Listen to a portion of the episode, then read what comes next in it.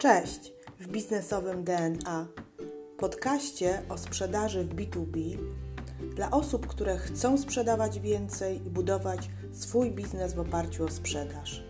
Nazywam się Ewa Piotrowska i w tym podcaście udzielę Ci praktycznych wskazówek z zakresu pozyskiwania klientów, prowadzenia procesu sprzedaży oraz zwiększania ilości klientów. Jeśli jesteś osobą, która lubi sprzedaż, a może masz potencjalnych klientów, którzy składają tylko obietnice, a może nie masz procesu sprzedaży lub strategii sprzedaży, to zapraszam Cię do słuchania tego podcastu. Zaczynamy! Dzień dobry, kochani, witajcie w najnowszym odcinku podcastu Sprzedaż B2B w praktyce. Dzisiejszy odcinek poprowadzę razem z moim gościem. Jest to osoba, którą na pewno znacie, kojarzycie z poprzednich odcinków, jeśli słuchacie mojego podcastu. Będę rozmawiała z Anią Sobczak, trosz, troszeczkę in, na inny temat niż niż zwykle, bo zazwyczaj rozmawiałam z Anią na tematy takie bardziej psychologiczne, na tematy związane z rozwojem biznesu, dlatego że Ania właśnie jest psychologiem, jest certyfikowanym coachem, e, ale też ma doświadczenie w obszarze sprzedaży i rozwoju biznesu, dlatego e, dużo czasu poświęcałyśmy rozmawiając właśnie na te tematy biznesowe, czyli jak możemy Wam pomóc od strony biznesowej, ale w kontekście takich y, doświadczeń y, Ani i też, y, i też jej specjalizacji takiej miękkiej, tak, czyli coachingu rozwoju biznesowego. Witam Cię Aniu bardzo serdecznie. Witam Was. Ale dzisiaj chcemy e, porozmawiać właśnie o firmie Ani. Jak wiecie, rozpoczęłam cykl Porozmawiajmy z przedsiębiorcami, z małymi przedsiębiorcami na temat rozwoju biznesu, na temat rozwoju ich firm, dlatego że też zadajecie mi takie pytania, e, kiedy warto założyć firmę, czy warto założyć firmę. No, zastanawiacie się nad ścieżką swojej e, E, nad ścieżką, nad ścieżką rozwoju, więc dzisiaj właśnie będziemy z Anią rozmawiać na temat Ani firmy. Aniu, witam Cię i czy chcesz jeszcze coś na początek powiedzieć, może o czymś zapomniałam, przedstawiając się? Witam Was wszystkich. Wszystko dobrze przedstawiłaś. Faktycznie jestem psychologiem i akredytowanym coachem International Coach Federation. E, a temat, e, o którym będziemy dzisiaj rozmawiać, znam z dwóch stron, ponieważ z jednej strony sama otwieram swoją działalność, e, jak i pomagam jako coach i psycholog biznesu otwierać działalności lub wypracowywać całą koncepcję działalności gospodarczej z moim klientom, bo wspieram ich w rozwoju ich własnego biznesu. Mhm, mhm. No właśnie, i teraz ja bym chciała zacząć tak jakby od początku, chronologicznie, y, bo tak jak mówiłam, y, pytania dotyczą dlaczego, y, dlaczego się otwiera firmę i czy warto otworzyć własną firmę. Wiemy, że jest dużo obaw z tym związanych, czy sobie poradzimy, czy sobie damy radę, czy będziemy mieć po prostu jakby pieniądze na to, żeby zainwestować w tą firmę, a też czy będziemy w stanie pozyskać tych pierwszych klientów, bo to wydaje mi się, że jest najistotniejsze. I właśnie Aniu chciałam rozpocząć od tego, dlaczego, dlaczego tak naprawdę otworzyłaś własną firmę i dlaczego otworzyłaś tą firmę właśnie w branży, bym powiedziała, takiej bardziej coachingowej, tak? Bo tak, tak można chyba tą branżę nazwać, I, bo wiem, że wcześniej zajmowałaś się sprzedażą, pracowałaś, zresztą o tym też wspominałaś, pracowałaś w jednych z największych korporacji tutaj w Polsce. Dlaczego otworzyłam firmę? No, była to taka moja wewnętrzna potrzeba, ponieważ e, byłam zmęczona już pracą etatową. Wiele czynników się wpłynęło na to, że odeszłam z etatu i założyłam własną działalność. Natomiast, natomiast zrobiłam to w ten sposób, że w jeden dzień skończyłam pracę na etacie, a w drugi dzień e, już rozpoczęłam bardzo intensywną edukację, mającą na celu otwarcie firmy e, coachingowej, działalności coachingowej. E, I korzystałam przez cały E, proces edukacji, ponieważ skończyłam szkołę z Montrealu, e, uczyłam się coachingu we Wszechnicy Uniwersytetu Jagiellońskiego. E, to jest bardzo wymagająca, bardzo mocna szkoła coachingu. Po tej szkole musiałam wypracować sobie doświadczenie.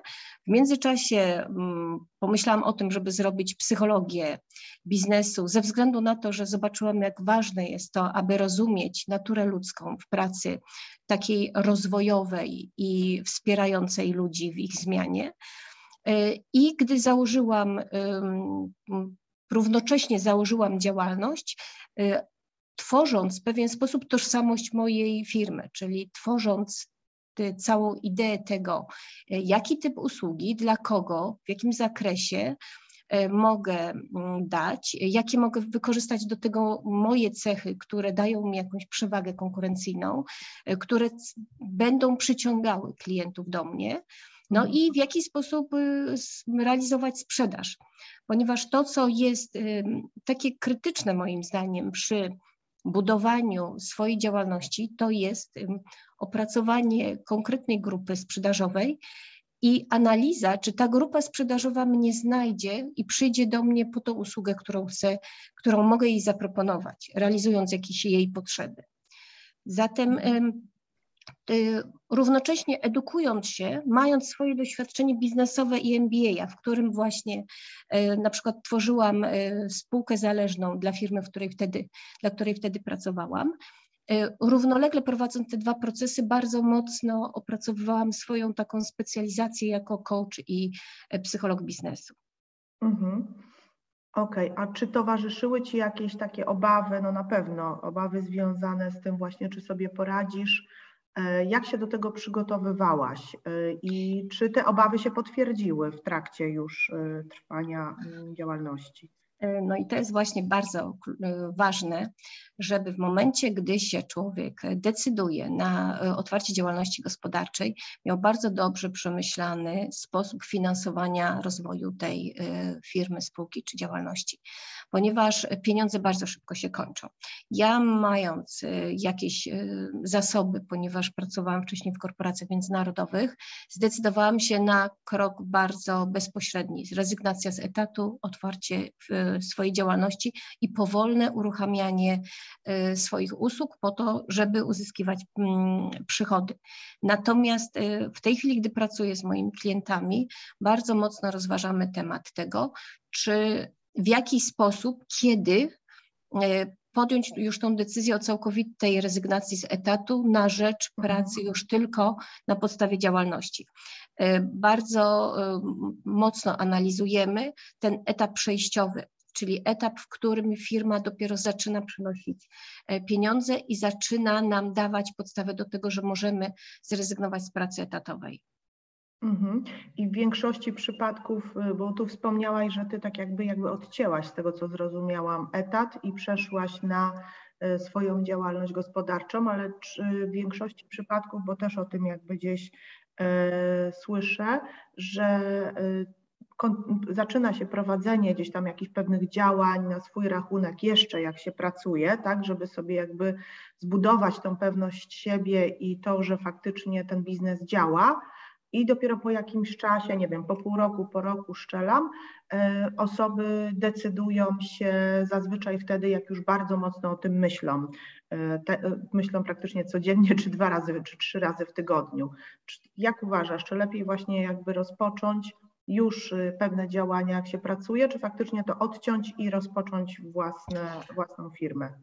To jest bardzo indywidualne. Natomiast y, ponieważ y, w tej chwili bardzo ważna jest sprzedaż tak zwanym marketingiem szeptanym i przez referencje, uważam, że można już z większym zaufaniem y, zdecydować się na prowadzenie tylko działalności, gdy mamy już wypracowane pewne referencje i pewną minimalną grupę klientów.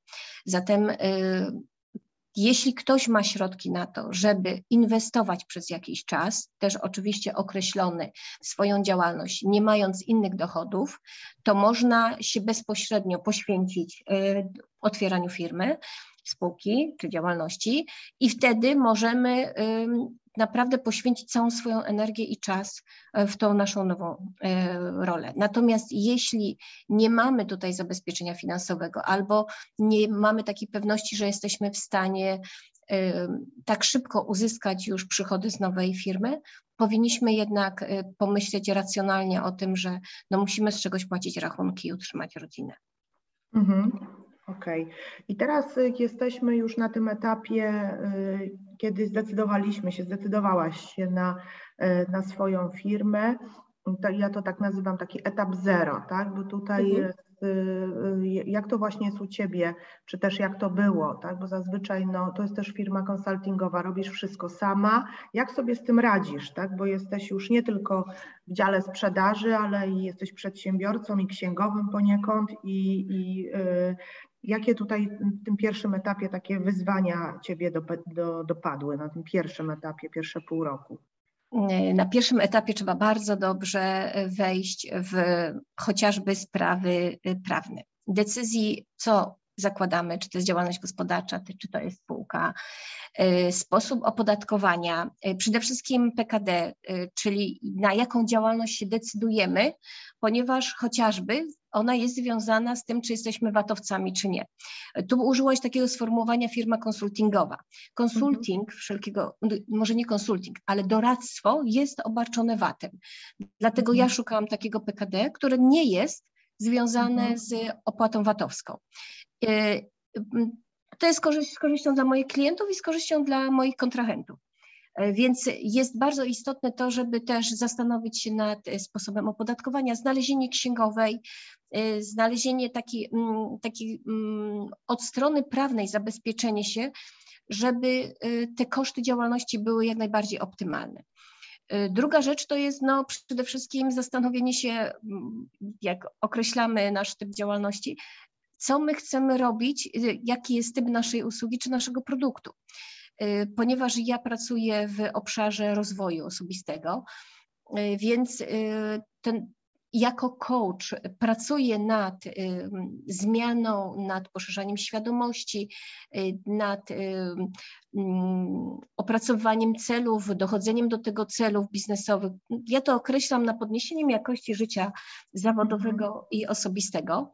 Y, ale i w tej chwili prowadzę warsztaty dla firm, y, dla różnego typu organizacji z branży bankowej, branży IT, z, z zakresu usług psychoterapeutycznych takich organizacji, dla organizacji mojej International Coach Federation, więc mm, to jest istotne, żeby w tym swoim zakresie usługi dobrze ograniczyć, e, w jaki sposób będziemy pracować, bo tak właśnie jak mówię, doradztwo, consulting, trenerstwo, szkolenia, warsztaty, sesje indywidualne.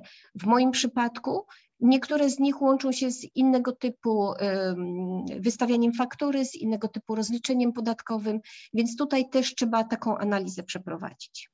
E, mhm. Druga rzecz to jest oczywiście określenie to, co powiedziałam na początku. E, zastanowienie się, co mogę sprzedać, e, co mogę dać moim klientom, za co mi zapłacą i jeszcze w taki sposób, żeby mnie znaleźli na rynku, czyli cały obszar promocji, sprzedaży, docierania do klienta. Ponieważ ja pracowałam 20 lat jako sprzedawca i business developer e, i mam MBA, więc mi było znacznie łatwiej. Natomiast są całe szkolenia, na przykład dla coachów czy dla psychologów, jak pozyskiwać klientów. E, jest też na przykład ograniczenie, ponieważ psycholog, psychoterapeuta nie do końca może się promować. Już w tej chwili widzę, że prywatne poradnie promują się na e, chociażby Facebooku czy LinkedInie, ale no w pewien sposób e, to jest zawód zaufania społecznego i on wymaga pewnych, no, pewne, pewnymi ograniczeniami jest zabezpieczony. No i tutaj mhm. wychodzi cała sprawa ta, ten obszar, o którym Ty w swoich e, podcastach i e, w swoich szkoleniach mówisz, czyli cały proces dotarcia do klienta i za pokazania e, zakresu swoich usług. No właśnie, i to jest właśnie naj, w sumie najistotniejsze, tak? bo mówiliśmy, że jednak sprzedaż, umiejętności według mnie sprzedaży, marketingu, są, bo marketing też jest istotny, są bardzo istotne, w, żeby się jakby na tym znać albo, albo tak jak mówisz, przeszkolić z tego elementu.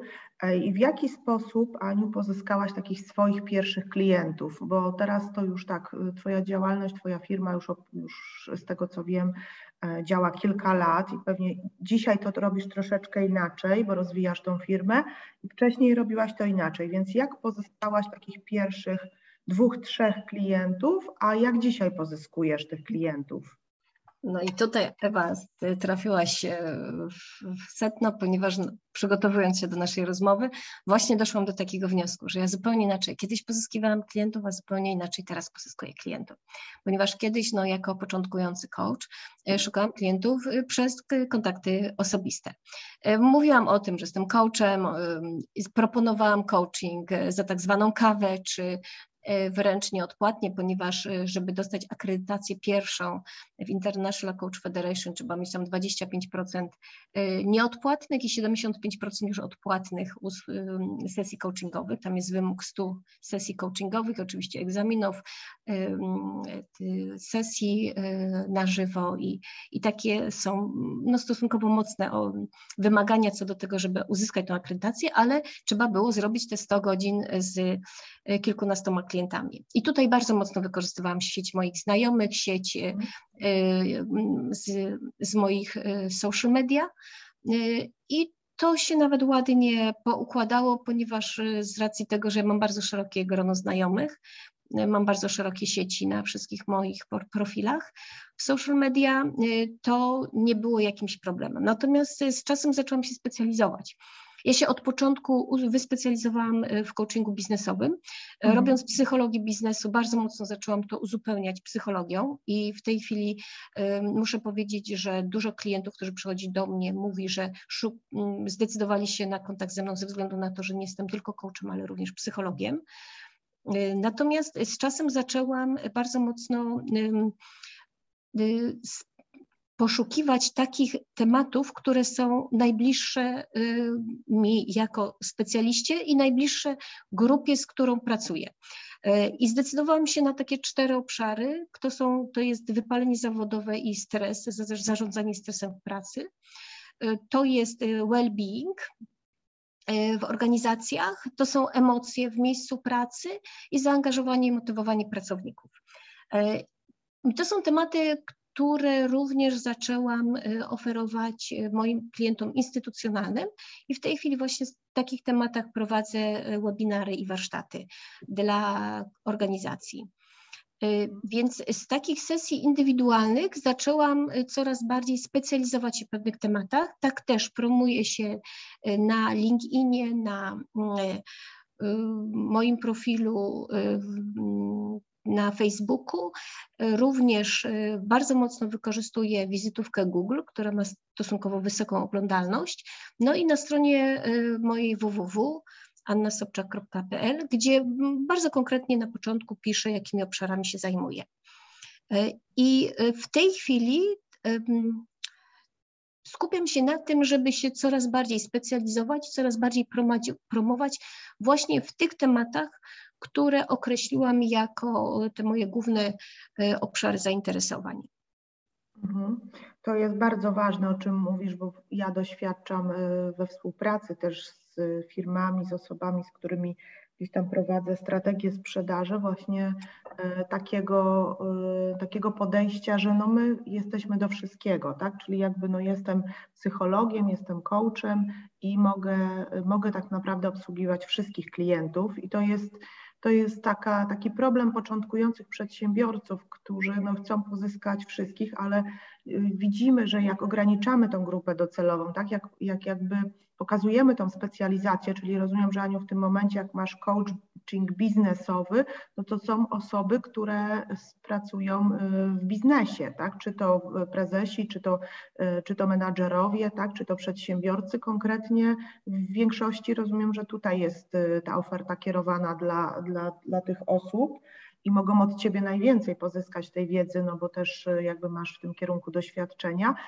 Grupa, grupa jest węższa, ale, no ale tak, po pierwsze, no też całego rynku nie obsłużysz, no bo to nie masz takich możliwości zasobowych, a po drugie, no też możesz mieć jakby klienta e, na dłuższy czas, bo rozumiem, że to nie jest jedno spotkanie czy dwa, tylko te konsultacje odbywają się w jakimś tam, e, są właśnie no bo to jest też ciekawe, czy Tobie zależy na ilości klientów y, w kwartale, w roku, czy sobie jakoś to planujesz, czy bardziej właśnie na takiej pracy jakościowej, że mam jednego klienta y, i na nim się skupiam. Jakie tutaj jest podejście, bo to też się wiąże z tym pozyskiwaniem klientów, bo nie musisz robić, jeśli idziesz jakościowo, to nie musisz robić jakiegoś zmasowanego, że tak powiem, zmasowanych akcji związanych z pozyskiwaniem tych klientów.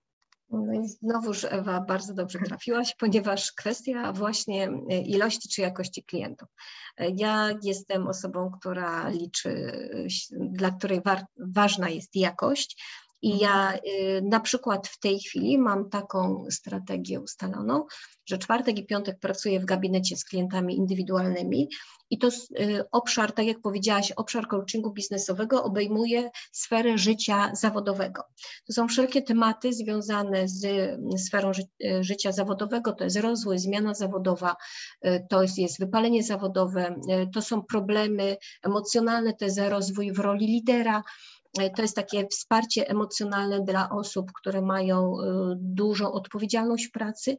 Natomiast to jest praca e, zarówno z menadżerami, ja, przedsiębiorcami, jak i pracownikami, ponieważ to, ja, ja jestem otwarta tutaj na pracę z wszystkimi, ponieważ to są, z tych pracowników czasami wyrastają prezesi firm i ja im mhm. towarzyszę przy, w tej, tej ścieżce kariery.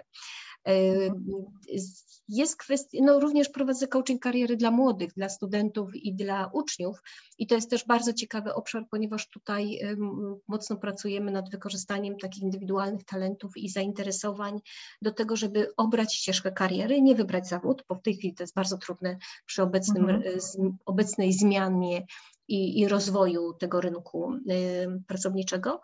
Natomiast y, E, to jest, e, to też jest takie ciekawe, ponieważ ci ludzie do mnie czasami wracają po, po kilku latach już jako pracownicy i, i na przykład spotkają, żeby mi poopowiadać, jak to u nich jest. E, natomiast, tak jak powiedziałaś, ja się zajmuję coachingiem biznesowym, natomiast jest też coaching, tak zwany life coaching, czyli coaching związany z życiem osobistym. Ja odcinając się od life coachingu z niego nie zrezygnowałam, ponieważ nie odetniemy życia zawodowego do życia osobistego i w życiu osobistym pracują nad życiem zawodowym, pojawiają się tematy z life coachingu, ale ja nad nimi pracuję, gdy one się pojawiają przy okazji e, business coachingu. Czyli mhm. E, nie promuję siebie jako life coach, ponieważ tak. ja mm, uważam, że większą wartość daję swoimi, e, swoim doświadczeniem, swoją wiedzą, swoją pomocą w obszarze zawodowym. Tak, bo to jest taki troszeczkę element life coachingu przy okazji właśnie business coachingu, to z tego co ja rozumiem, jak Cię słucham, to jest taki element właśnie dodatkowy Twojej usługi, który jest realizowany tak naturalnie, w sposób naturalny, no bo człowiek jest po prostu człowiekiem i, i mi się wydaje, że to właśnie trzeba połączyć i pracę, i życie osobiste, tego się nie da rozdzielić, ale na przykład widzę, że dużo, dużo osób y, w, o podobnym, tak jakby podobnym profilu do Ciebie, i to też chciałam się zapytać, y, zmieniło troszeczkę swoją specjalizację trakcie trwania pandemii na ten taki coaching, bym powiedziała, osobisty, ze względu na te jakby problemy, które gdzieś tam wiadomo y, pandemia niesie w życiu osobistym. Ale to będzie moje kolejne pytanie, czy pandemia też zmieniła u Ciebie jakiś może kierunek działania, tak? I troszeczkę musiałaś się przebranżowić, bo ja mówię z własnych obserwacji, gdzieś widzę, że dużo osób się potwierało na takie coachingi y, osobowościowe, problemowe, no po prostu praca z ludźmi, co, co zrobić w tym czasie, akurat w tym czasie. Ale to jak chcesz, możesz teraz odpowiedzieć, a jak nie, bo ja Ci też przerwałam. E, dobrze, to powiem tak krótko tylko o pandemii. Y, pandemia bardzo mocno uruchomiła taki E, taką potrzebę e, wsparcia profesjonalnego e, w zakresie właśnie problemów, które pandemia jakby uaktywniła u wielu osób. I faktycznie ja widzę bardzo duży potencjał, ponieważ jest brak na rynku psychologów, psychoterapeutów i psychiatrów, jest duży rynek dla profesjonalnych coachów, którzy są w stanie towarzyszyć ludziom przy tym borykaniu się z problemami psychicznymi, czy właśnie z problemami związanymi z z tym, z adaptacją do tych nowych warunków, które przyniosła nam pandemia.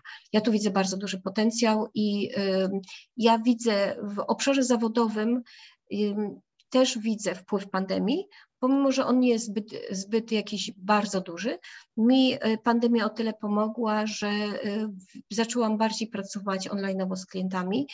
I ja w ogóle uważam, że mm, pandemia przyniosła nam bardzo dużo zła, ale też i bardzo dużo korzyści, ponieważ nauczyliśmy się w sposób naturalny, tak trochę nie mając innej możliwości, nauczyliśmy się pracować w nowych technologiach, w nowych metodach, e, nauczyliśmy się wykorzystywać nowe narzędzia i, y, no i sami też się sprawdziliśmy na tym, y, dowiedzieliśmy się sami o sobie, jak radzimy sobie z izolacją, jak radzimy sobie z brakiem y, przewidywalności.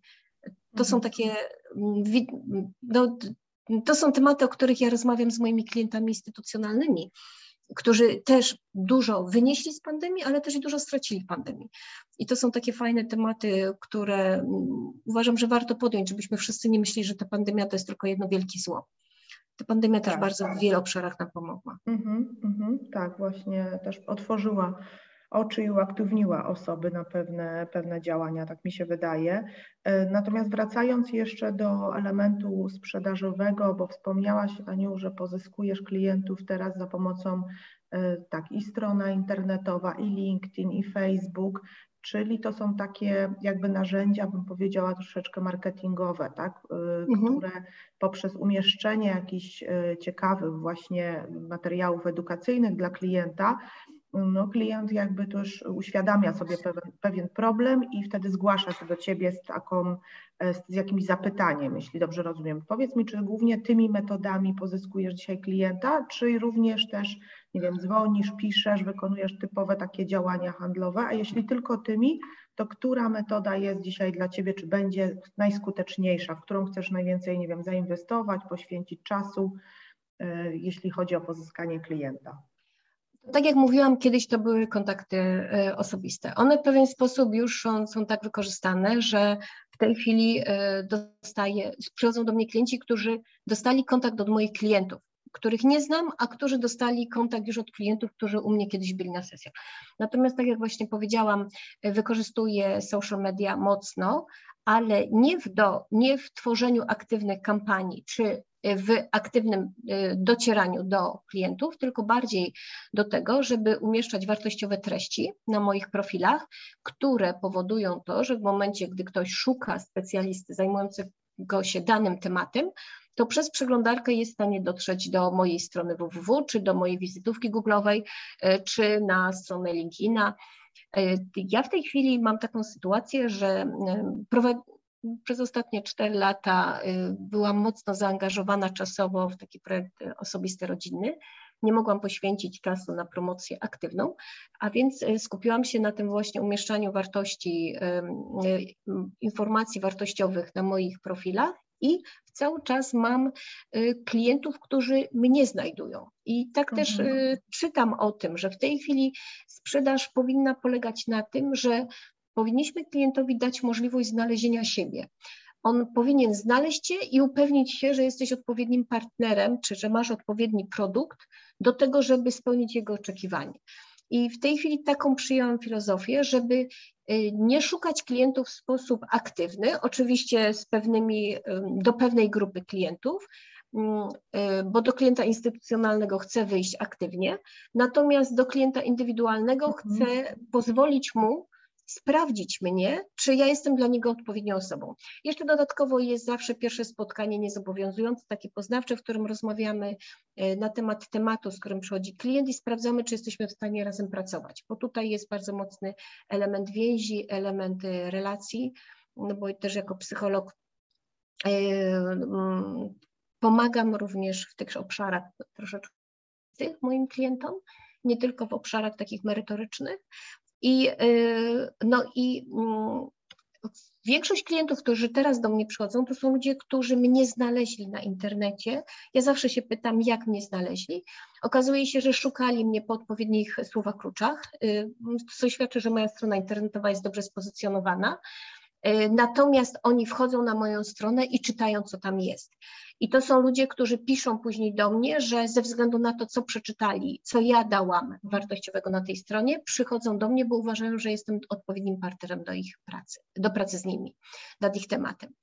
Więc no to jest nie jestem w stanie powiedzieć, bo nie śledziłam tego, czy jest to w tej chwili e, główny sposób sprzedaży, ale wiem, że jest to mocno rozwijany sposób sprzedaży, czyli poprzez e, sprzedaż e, swojej wiedzy, tak. poprzez, poprzez sprzedaż tego, co można dać klientowi i to klient Cię wyszukuje wśród wielu ofert, które są dostępne na rynku.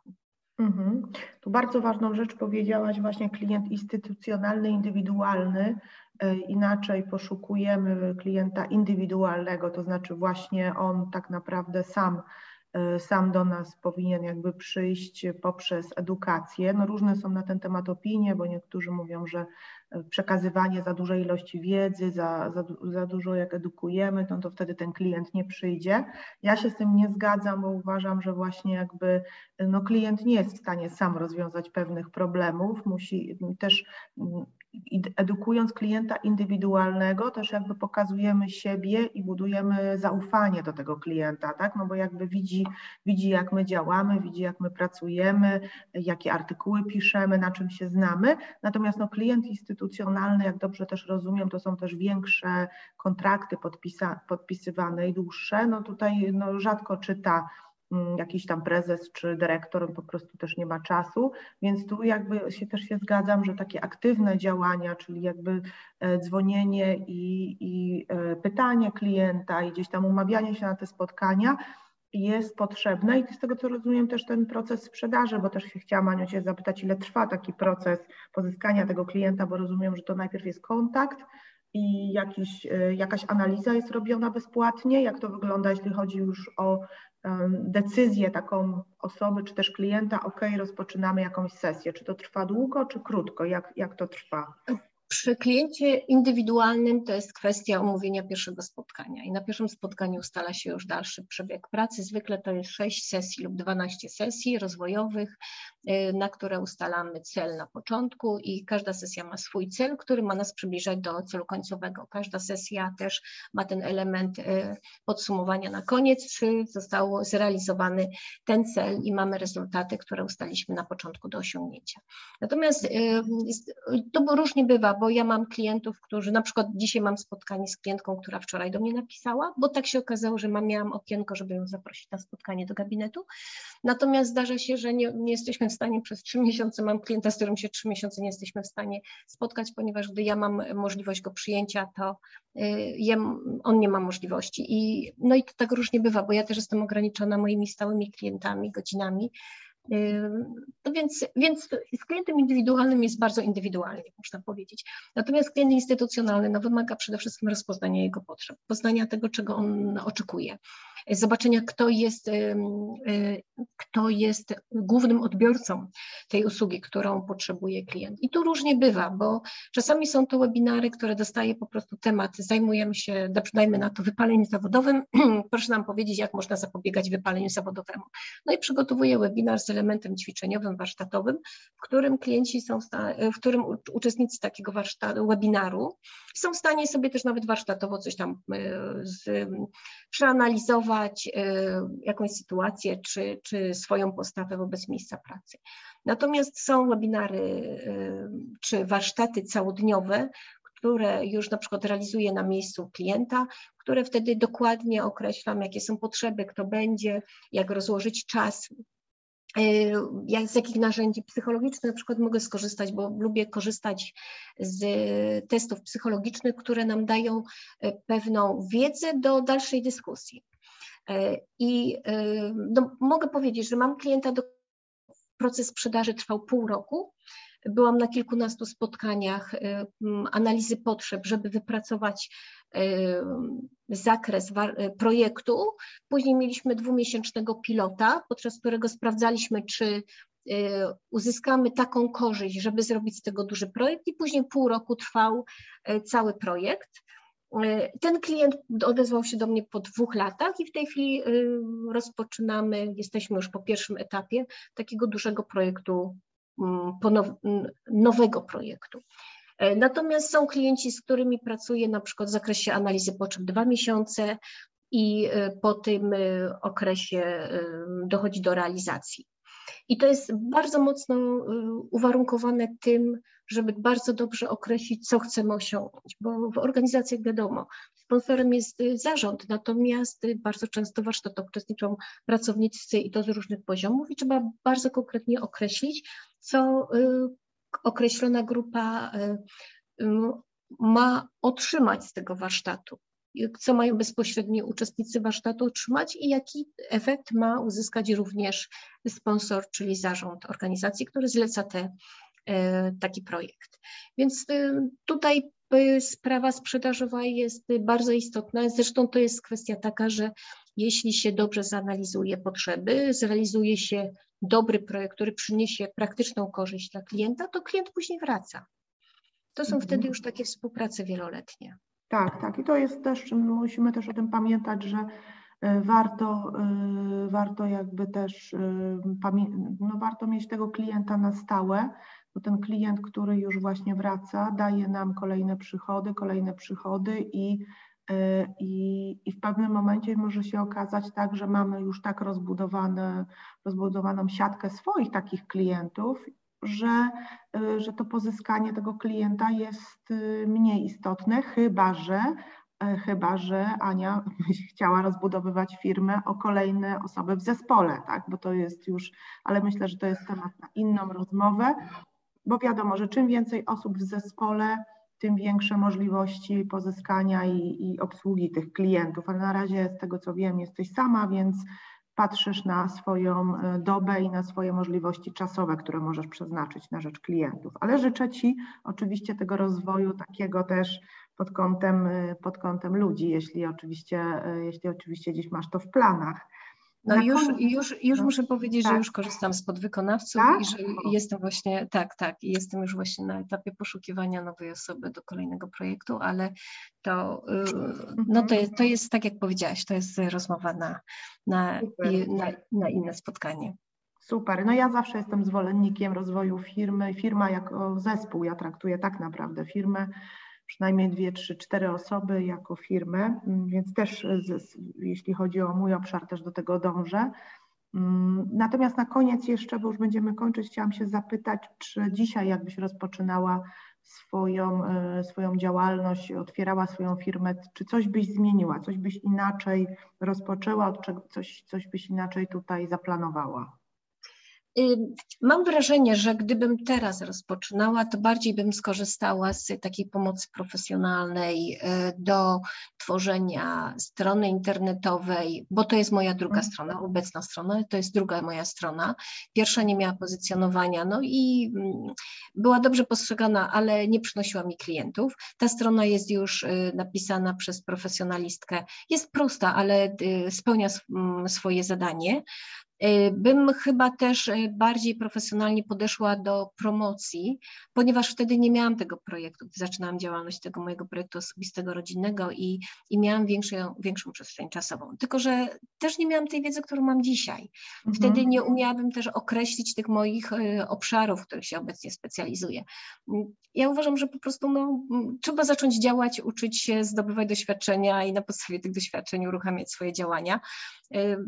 Może, może powinnam wtedy skorzystać od razu z, z właśnie z firm takich e, e, specjalizujących się w pewnych działaniach.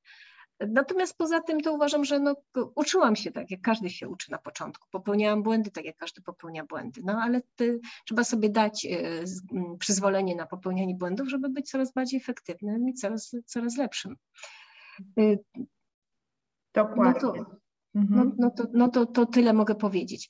No i jest jeszcze kwestia właśnie tych współpracowników i to jest rzecz, która też możliwe, że powinnam wcześniej roz, um, zacząć tworzyć taką e, bazę wiedzy na temat y, dostępnych specjalistów na rynku. W tej chwili chciałabym to zrobić, bo potrzebuję coraz bardziej też mieć y, takich specjalistów nawet jak psychiatrów do kontaktu, ponieważ y, moi klienci zgłaszają takie pytania, no i ja potrzebuję mieć taką bazę, żeby im od razu móc e, dawać jakieś referencje na określone osoby.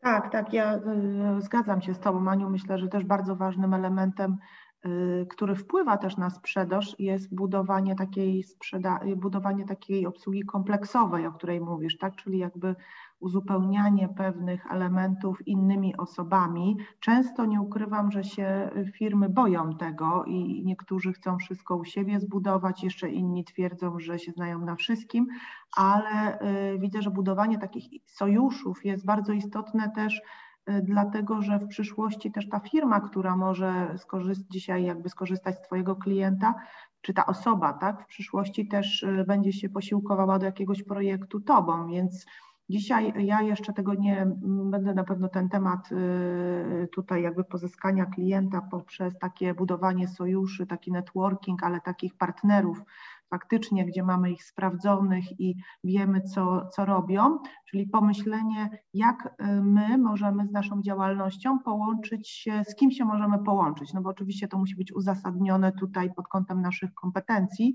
z kim się możemy połączyć i co możemy zbudować właśnie z, z tą drugą osobą, z tą drugą firmą. I to jest też dzisiaj myślę, że bardzo, bardzo ważny element tej takiej relacyjności biznesowej i nie, nie obawiania się tego, że ktoś nam na przykład zabierze klienta, bo mówię, no często, często się z tym spotykam. Myślę, że się zgodzisz, że to jest też taki kierunek istotny gdzieś. Tu jest też taki element, który ja bardzo mocno podkreślam, że nie możemy być e, świetni we wszystkim i musimy też znać swoje ograniczenia. Ja na przykład jestem psychologiem biznesu, skończyłam specjalizację psychologii biznesu i w momencie, gdy mój klient zaczyna y, sprawiać wrażenie, że ma pewne jakieś potrzeby w obszarze psychologii klinicznej, odsyłam go do psychologa klinicznego. Zresztą w tej chwili mam dwa zatrzymane projekty, ponieważ moi klienci trafili do psychoterapeutów y, z pewnym takim wsparciem ze strony mojej osoby, ponieważ jako coach czy, czy psycholog nie, nie mam możliwości powiedzenia podczas sesji, y, widzę, że potrzebujesz pójść do psychoterapeuty, terapeuty, ale rozmawiam na temat tego, żeby rozważył taką możliwość, ponieważ widzę to i to, czy obserwuję to i to. I to jest bardzo istotne, że my nie możemy znać się na wszystkim i musimy wiedzieć, do jakiego stopnia jesteśmy w stanie pomóc, a gdzie już możemy zaszkodzić naszym klientom. Mhm. Ja nie mam problemu z polecaniem moich klientów innym osobom i wręcz mm, mam koleżanki coachów, które są czy trenerów, którzy specjalizują się w jakichś obszarach i ja wiem, że oni dadzą tą usługę najlepiej, bo są ekspertami w tych obszarach i nie próbuję wchodzić w te kompetencje, bo nie mam nawet takiej potrzeby. Tylko wiem, że tą osobę mogę polecić i polecam z czystym sercem. Jak zresztą wczoraj ciebie e, tak. przy określonej potrzebie. Więc to są, to są takie rzeczy, które uważam, że budują też e, nasz wizerunek profesjonalisty, bo jeśli ja mówię o tym, że ja mogę powiedzieć, co to jest odporność psychiczna, ale specjalistkę od odporności psychicznej znam i jestem w stanie ją polecić, która robi świetne warsztaty w tym obszarze, to ja pokazuję, że jestem profesjonalistką, bo ja się znam na swoich obszarach, a nie wchodzę w kompetencje czyjeś. No i, i uważam, że nie można się znać na wszystkim. Musimy się specjalizować, musimy wiedzieć, w czym naprawdę dajemy wartość klientowi. I musimy widzieć to, że dajemy wartość, bo to jest ta gratyfikacja jest dla nas bardzo potrzebna, żeby klient faktycznie uzyskał y, korzyść i nam o tym powiedział, żeby on z czystym sumieniem mógł, mógł nam powiedzieć, że faktycznie tak daliśmy mu wartość. Dokładnie. I tym optymistycznym akcentem, bardzo inspirującym, kończymy dzisiejszy odcinek. Myślę, że Ania dała dużo wartości, tutaj dużo ciekawych wskazówek dla, e, dla, dla całej społeczności e, naszej biznesowego DNA i podcastu Sprzedaż B2B w praktyce. Teraz już e, wiemy, że warto postawić taki krok do przodu, bo ja też uważam, że jak już ktoś myśli bardzo mocno, to, to znaczy, że naprawdę tego chce, tylko że podjął już decyzję, tylko jest kwestia tego teraz, kiedy to zmaterializuje.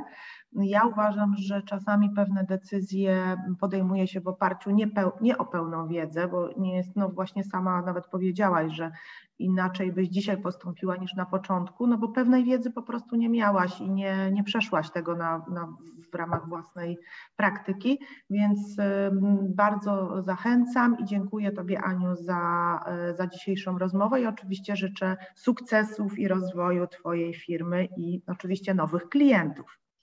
Dziękuję i wzajemnie niech ten nowy rok, pomimo naszych zmian w prawie, y, będzie dla nas łagodny, dobry i ekscytujący i przyniesie nam dużą wartość.